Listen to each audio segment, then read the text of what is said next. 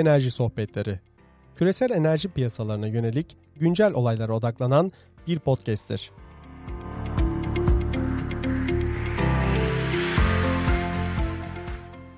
Merhaba, 30 Temmuz 2021 tarihinde karşımızda Çin'den e, doçent doktor Ceren Ergenç var. Hocam merhaba. Merhaba. Hocam önce isterseniz şu Asya piyasalarında tedirgin eden acaba bu Covid gene Çin'de, Asya'da hortluyor mu? Oradan başlayalım. Vallahi tam yarama dokundunuz bunu sorarak. Zaten biliyorsunuz Tayvan gibi çok başarılı ülkelerde, Tayvan, Vietnam gibi çok başarılı ülkelerde bu Hindistan'dan yayılan Delta varyantı yüzünden yenilerde bir patlama yaşanmıştı. Çin işte Tayvan'ı, Vietnam'ı başarısızlıkla suçlamıştı. Ama aslında Çin içerisinde de bir yükselme yaşanıyor. En son hatta bizim bulunduğumuz şehrin çok yakınlarına kadar geldi. Rusya'dan gelen bir uçak, uçağın Nanjing kenti, Nanjing havalarında kontrol edilmemesi, yeterince kontrol edilmemesi sonucu o kentte şu anda delta vakaları 200'ü aşmış durumda. Ya, tabii 200 ne Çin gibi bir buçuk milyarlık bir ülke için ciddi bir rakam ne de hani örneğin yani Türkiye'de e, bir kentte 200 vaka çıktı diye herhalde hiçbir şey yapılmazdı. Ama burada e, benim yaşadığım e, kent e, ablukaya alındı. Hmm. Ne dışarıdan kimse girebiliyor ne biz dışarı çık çıkabiliyoruz. Allah'tan henüz ev ev karantinası gelmedi ama bir gerginlikle ne olacak diye bekliyoruz açıkçası. Yani demeye çalıştığım Çin rakamlar çok küçük bile olsa Çin bu işi başaramadı gibi bir hava yaratmamak için önlemleri çok sıkı alıyor. Hatta gereğinden fazla sıkı alıyor.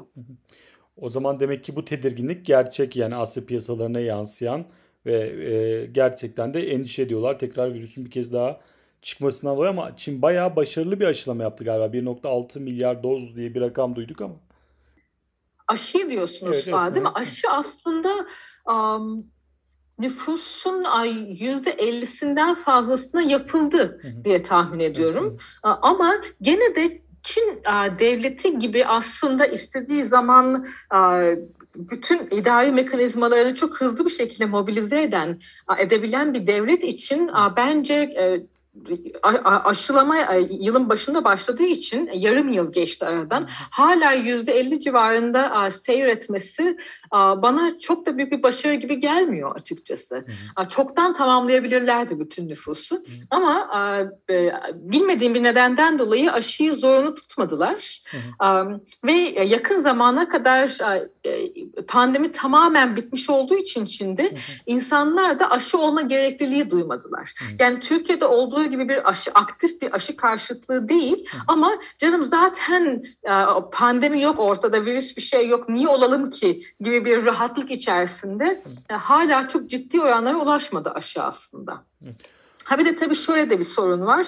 Hmm. Bu Sinovac ve Sinopharm Çin'in iki aşısının delta varyantına karşı çok da etkili olmadığı söyleniyor. Yani aşılama çok yüzdesi çok artsa bile gene delta varyantından kaynaklı yeni bir pandemi akımı bir bir mevzu olabilir. Evet, evet bu tarafı iyice anladıktan sonra herhalde asıl konumuza gelelim. Çin'de devrimsel bazı iklim ve çevre konusunda önemli değişiklikler oldu. Hocam buyurun bu konuda.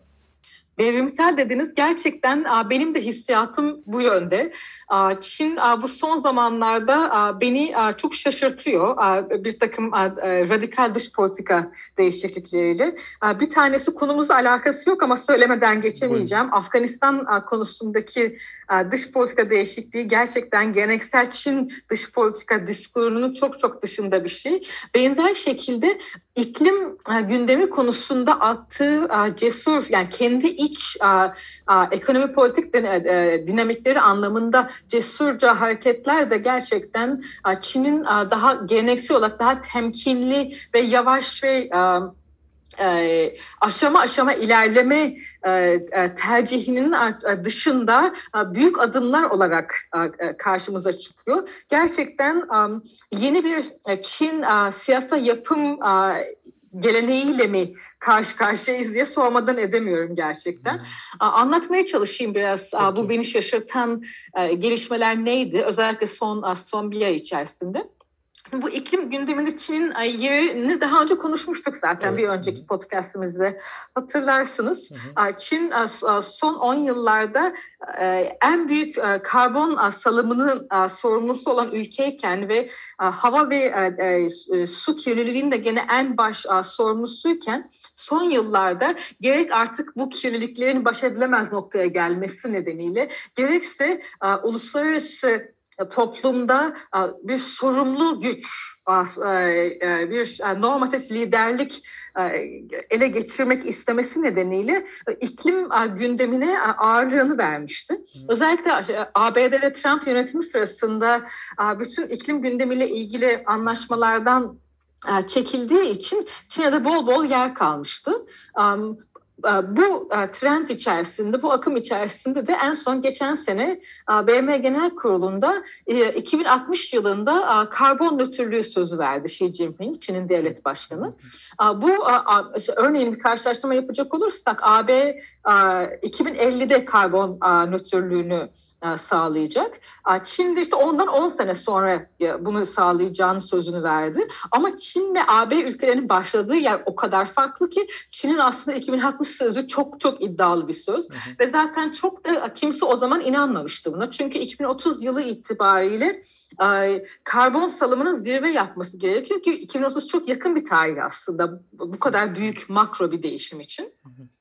Um, ben de açıkçası bunun daha retorik bir hani uluslararası ilişkilerde böyle bir hani dediğim gibi bir normatif lider olma çabası içerisinde söylenmiş bir söz olduğunu uh, düşünmüştüm. Hı Ama ondan sonra sırasıyla gelen uh, hareketler uh, Çin'in uh, bu konuda ciddi olduğunu sinyallerini veriyor açıkçası. Ne kadar gerçekleştirilebilir tabii uh, orası ayrı bir konu ama Çin bir uh, niyet gösteriyor gerçekten. Hı. Ee, örneğin gene daha önceki e, sohbetimizde bahsettiğimiz e, şu an e, elektrik elektriğin en büyük sağlayıcısı olan kömür santrallerinin robotize edilmesi ve robotize edilmeyle yeşillenmesi, yeşil dönüşümünün sağlanması gibi bir projesi vardı.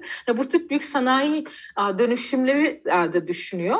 Ama çok konuyu dağıtmadan bu son zamanlarda olan aslında biraz da birbiriyle ilintili şeylerden bahsetmek istiyorum. Hı hı. Bir tanesi yeni bir rapor yayınlandı, çok yeni ve buna göre 2021'in ilk yarısında Çin yurt dışında yani kuşak ve yol ülkeleri içerisinde diyeyim. Bütün küresel anlamda değil de kuşak ve yol girişimi çerçevesinde hiç kömüre yatırım yapmadı.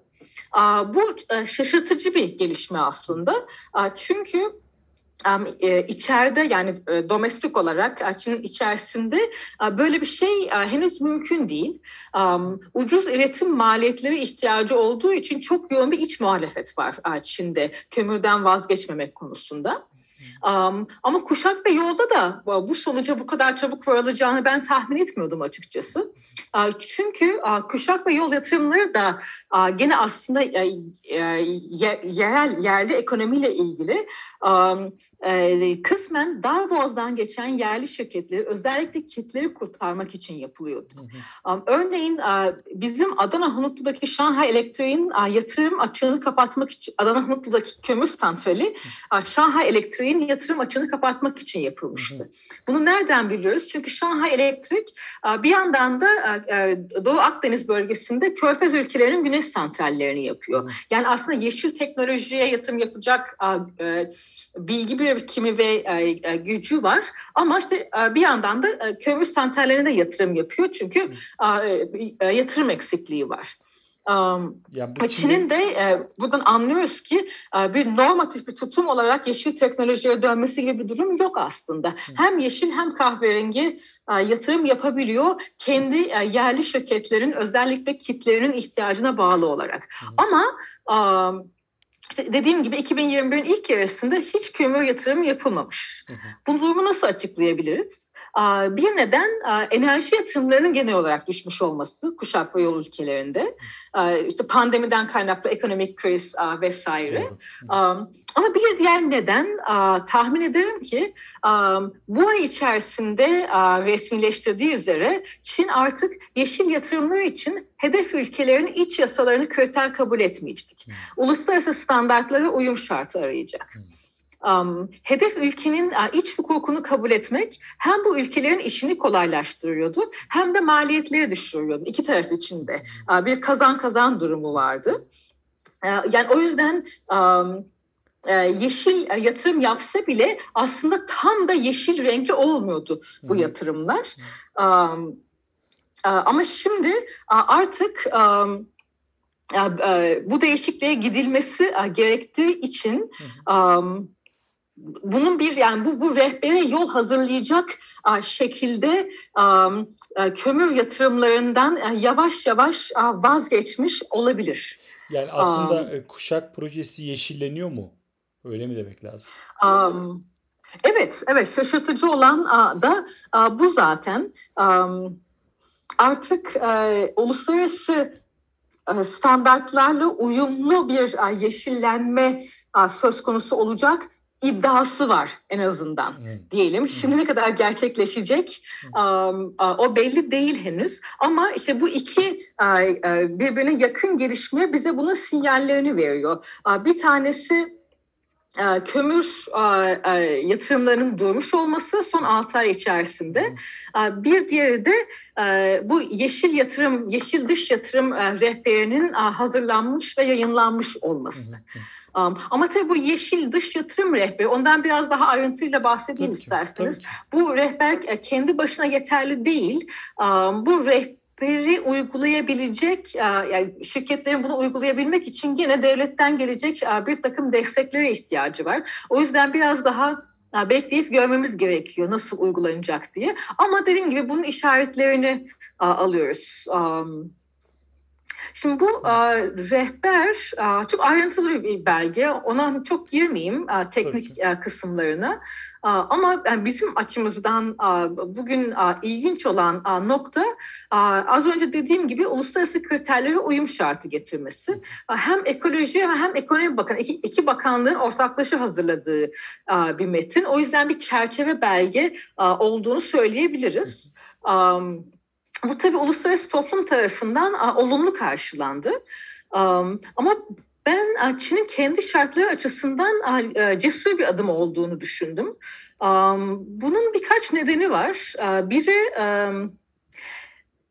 daha önce dediğim gibi Çin'de yeşil pazarı aslında kitler değil küçük özel şirketler domine ediyor. Hı hı. Yeşil startuplar diyebiliriz bunlara. Evet. Ama bu küçük şirketlerin bu yeni getirilen bu rehberdeki daha doğrusu uluslararası standartları karşılayacak finansal altyapısı ve kısa vadeli zararı karşılayacak kurumsal finansal altyapısı um, yok. Yani e, işletme literatüründe bir e, e, e, deep pocket şirketleri diye geçer ya kısa vadeli zarar karşılayacak bir e, bütçesi olması. Hı hı. Bu küçük startupların e, bu deep pocketları yok. Hı hı. Kitlerin e, tam tersi deep pocketları var ama uluslararası yeşil teknoloji standartlarını karşılayacak bilgi birikimleri ve insan güçleri yok. Hı hı. Um, yani dışa açılmaya çalışan her iki grubu da zora sokacak bir durum. Hı hı. Um, o yüzden bu rehberin önümüzdeki aylarda bu zorlanmaları kolaylaştıracak destek paketleriyle destek destek paketleri geleceğini düşünüyorum. Ama tabii bunu zamanla göreceğiz. Bir ihtimal de pazara hakim olan bu küçük özel startupları elimine edip büyük ve hantal kitlerin önünü açmak. Yani bu bu yeşil dış yatırım rehberinin açıklanmış olması.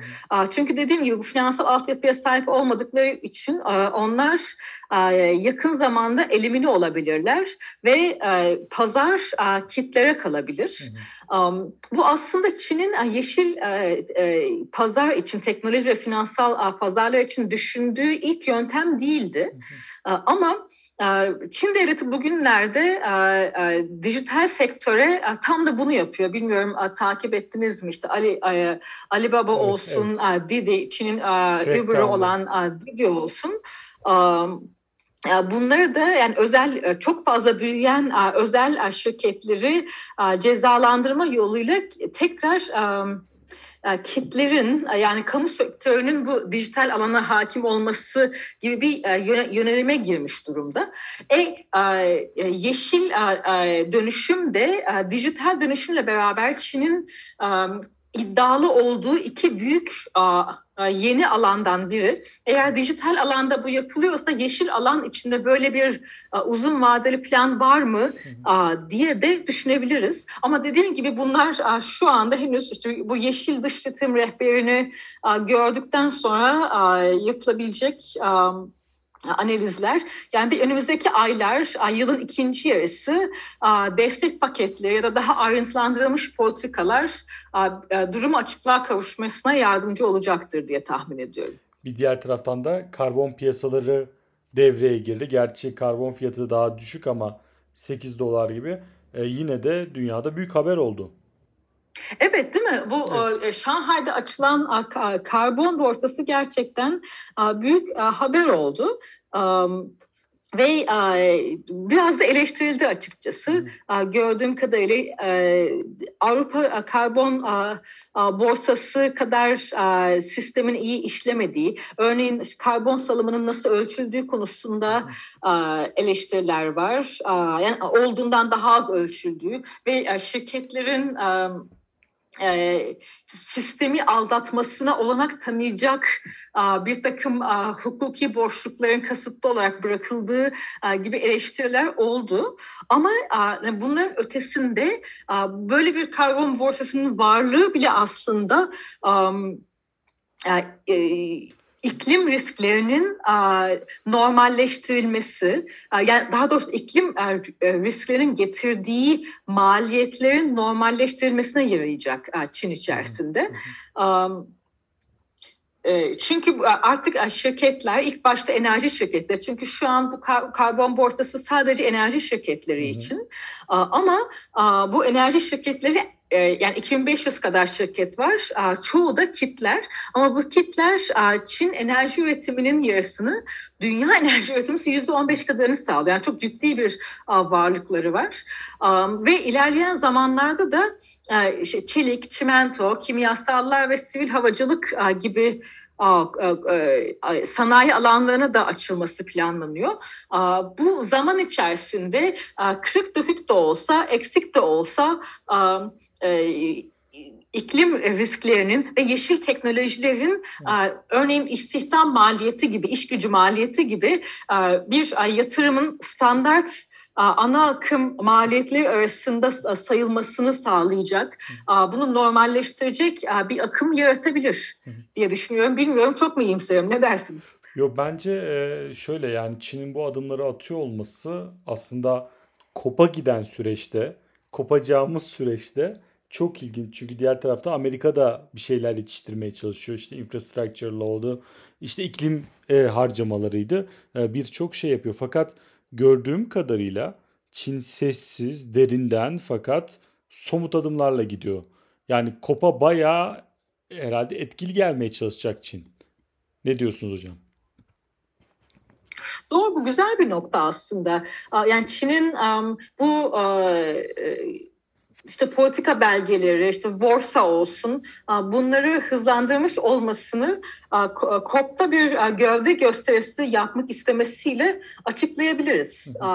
Çok mantıklı olur. Onlar hani bu gövde gösterisini yaptıktan sonra işte bu belgeler, e, işte borsalar, pazarlar vesaire, işte kurallar nasıl işleyecek ona tekrar bakmak lazım herhalde. Ama dediğiniz gibi evet bunu bir e, sadece e, e, piyasayı piyasayı düzenleme çabası değil, yani iç piyasayı ve dış politikayı düzenleme çabası değil, yeni bir uluslararası sistemde güç dengesini değiştirme çabası olarak okuyabiliriz gerçekten. Çünkü ABD ile çok sık görüşmeler devam ediyor. Birkaç ayda bir üst düzey görüşmeler yaşanıyor ama her görüşmenin sonucunun çok da verimli olmadığı, çok da parlak geçmediği haberleriyle ayrılıyoruz. O yüzden ee, ve de, dediğiniz gibi ABD'nin birçok alanda işte e, e, iklim alanında olsun ya da yakınlarda kuşak ve yol girişimine karşı bir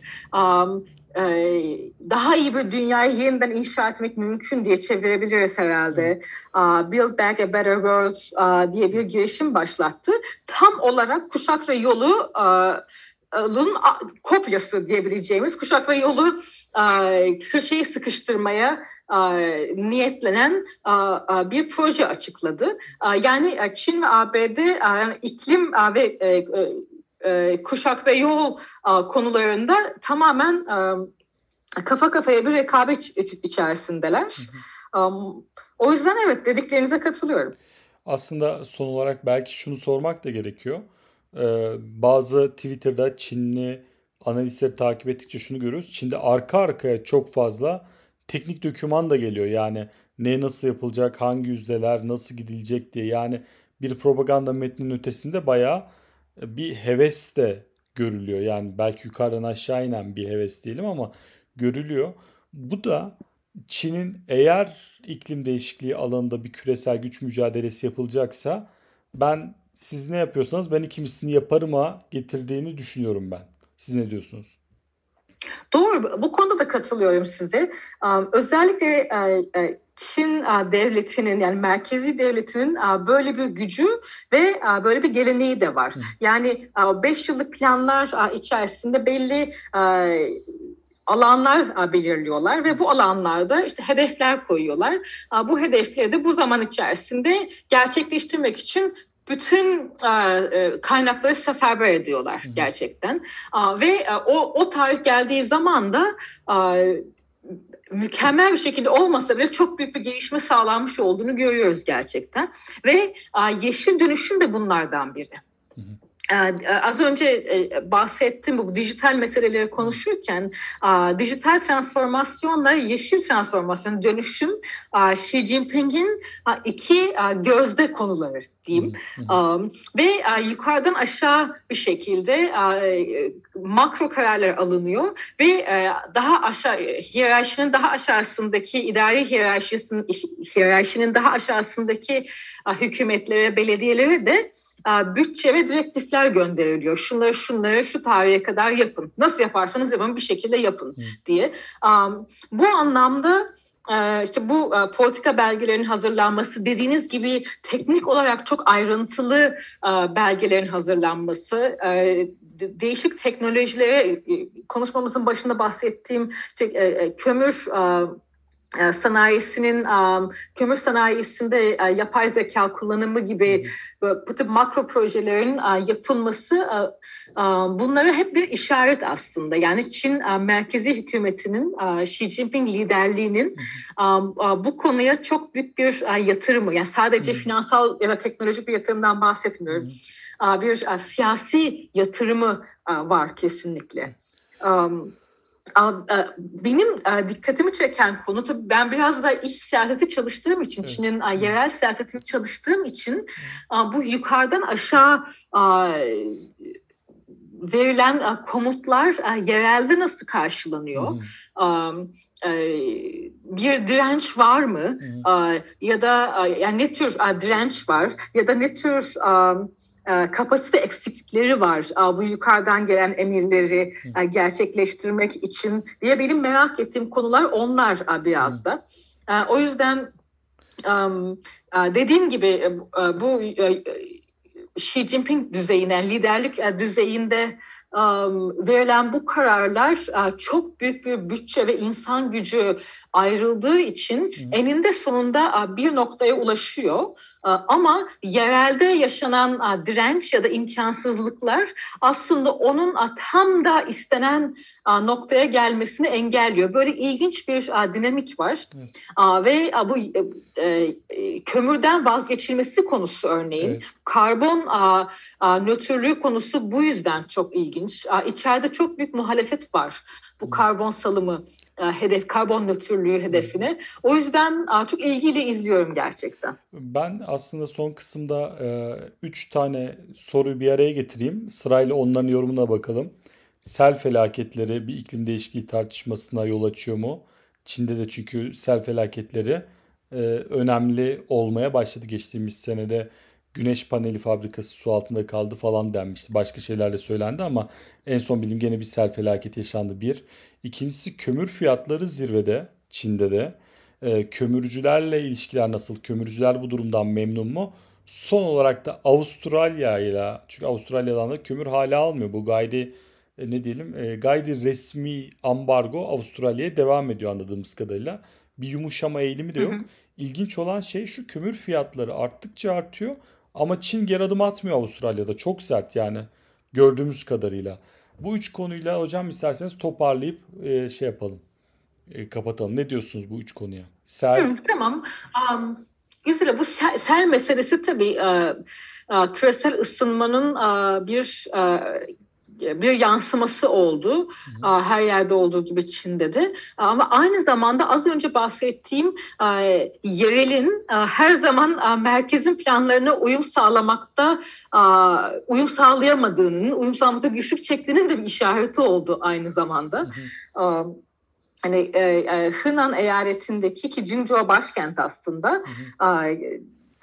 Sel felaketin önünün alınamaması ee, ve e, bunun e, tarım alanında e, tarım ve hayvancılık alanında çok büyük kayıplara yol açması, insan kaybının olması vesaire aslında tam da az önce bahsettiğim merkez yerel çelişkisinin güzel bir örneği oldu. Tabii güzel derken burada yerinde bir örneği oldu hmm, anlamında söylüyorum.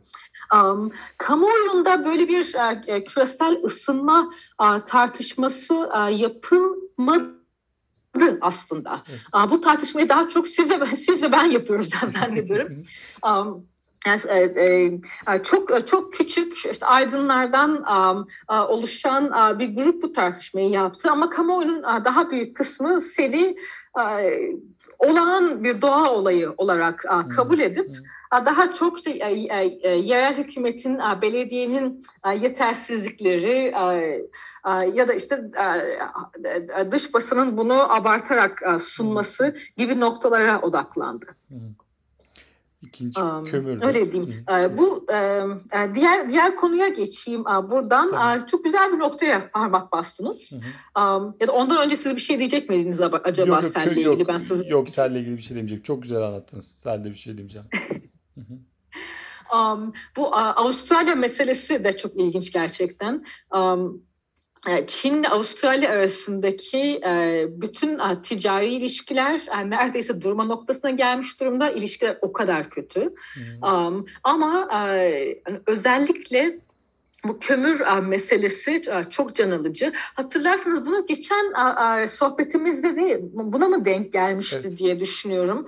A, Çin Avustralya'dan kömür almayı reddettiği için geçti e, e, neredeyse tam bir yıl önce geçtiğimiz evet. yaz, yaz aylarında fabrikalar durma noktasına gelmişti. Hı.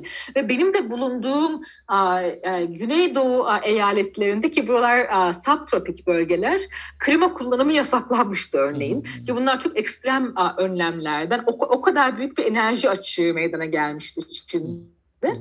Ama Çin buna rağmen Avustralya ile ilişkileri ilişkilerde alttan almayı düşünmüyor. Hatta durum o kadar ciddi ki e, Avustralya Ticaret Odası'nın buradaki Şanghay ve Pekin'deki temsilcilikleri neredeyse her an sınır dışı edilebiliriz e, hissiyatıyla işlerine devam ediyorlar. O kadar, o kadar ilişkiler kötü gerçekten. Ama bunun da sizin de dediğiniz e, gibi kömür fiyatlarına çok büyük bir etkisi var.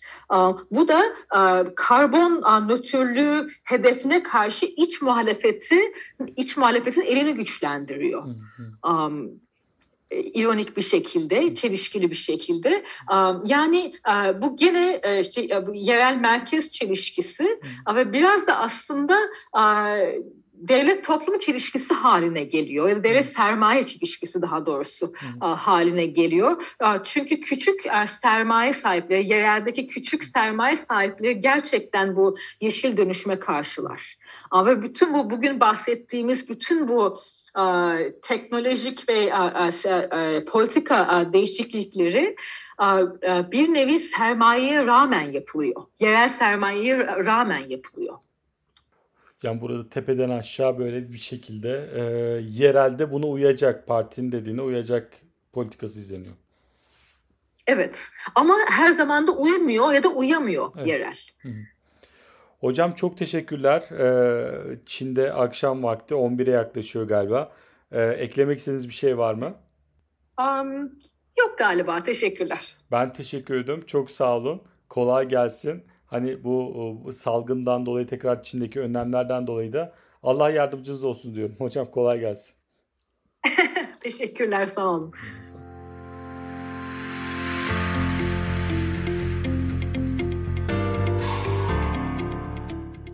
Dinlediğiniz için teşekkür ederiz.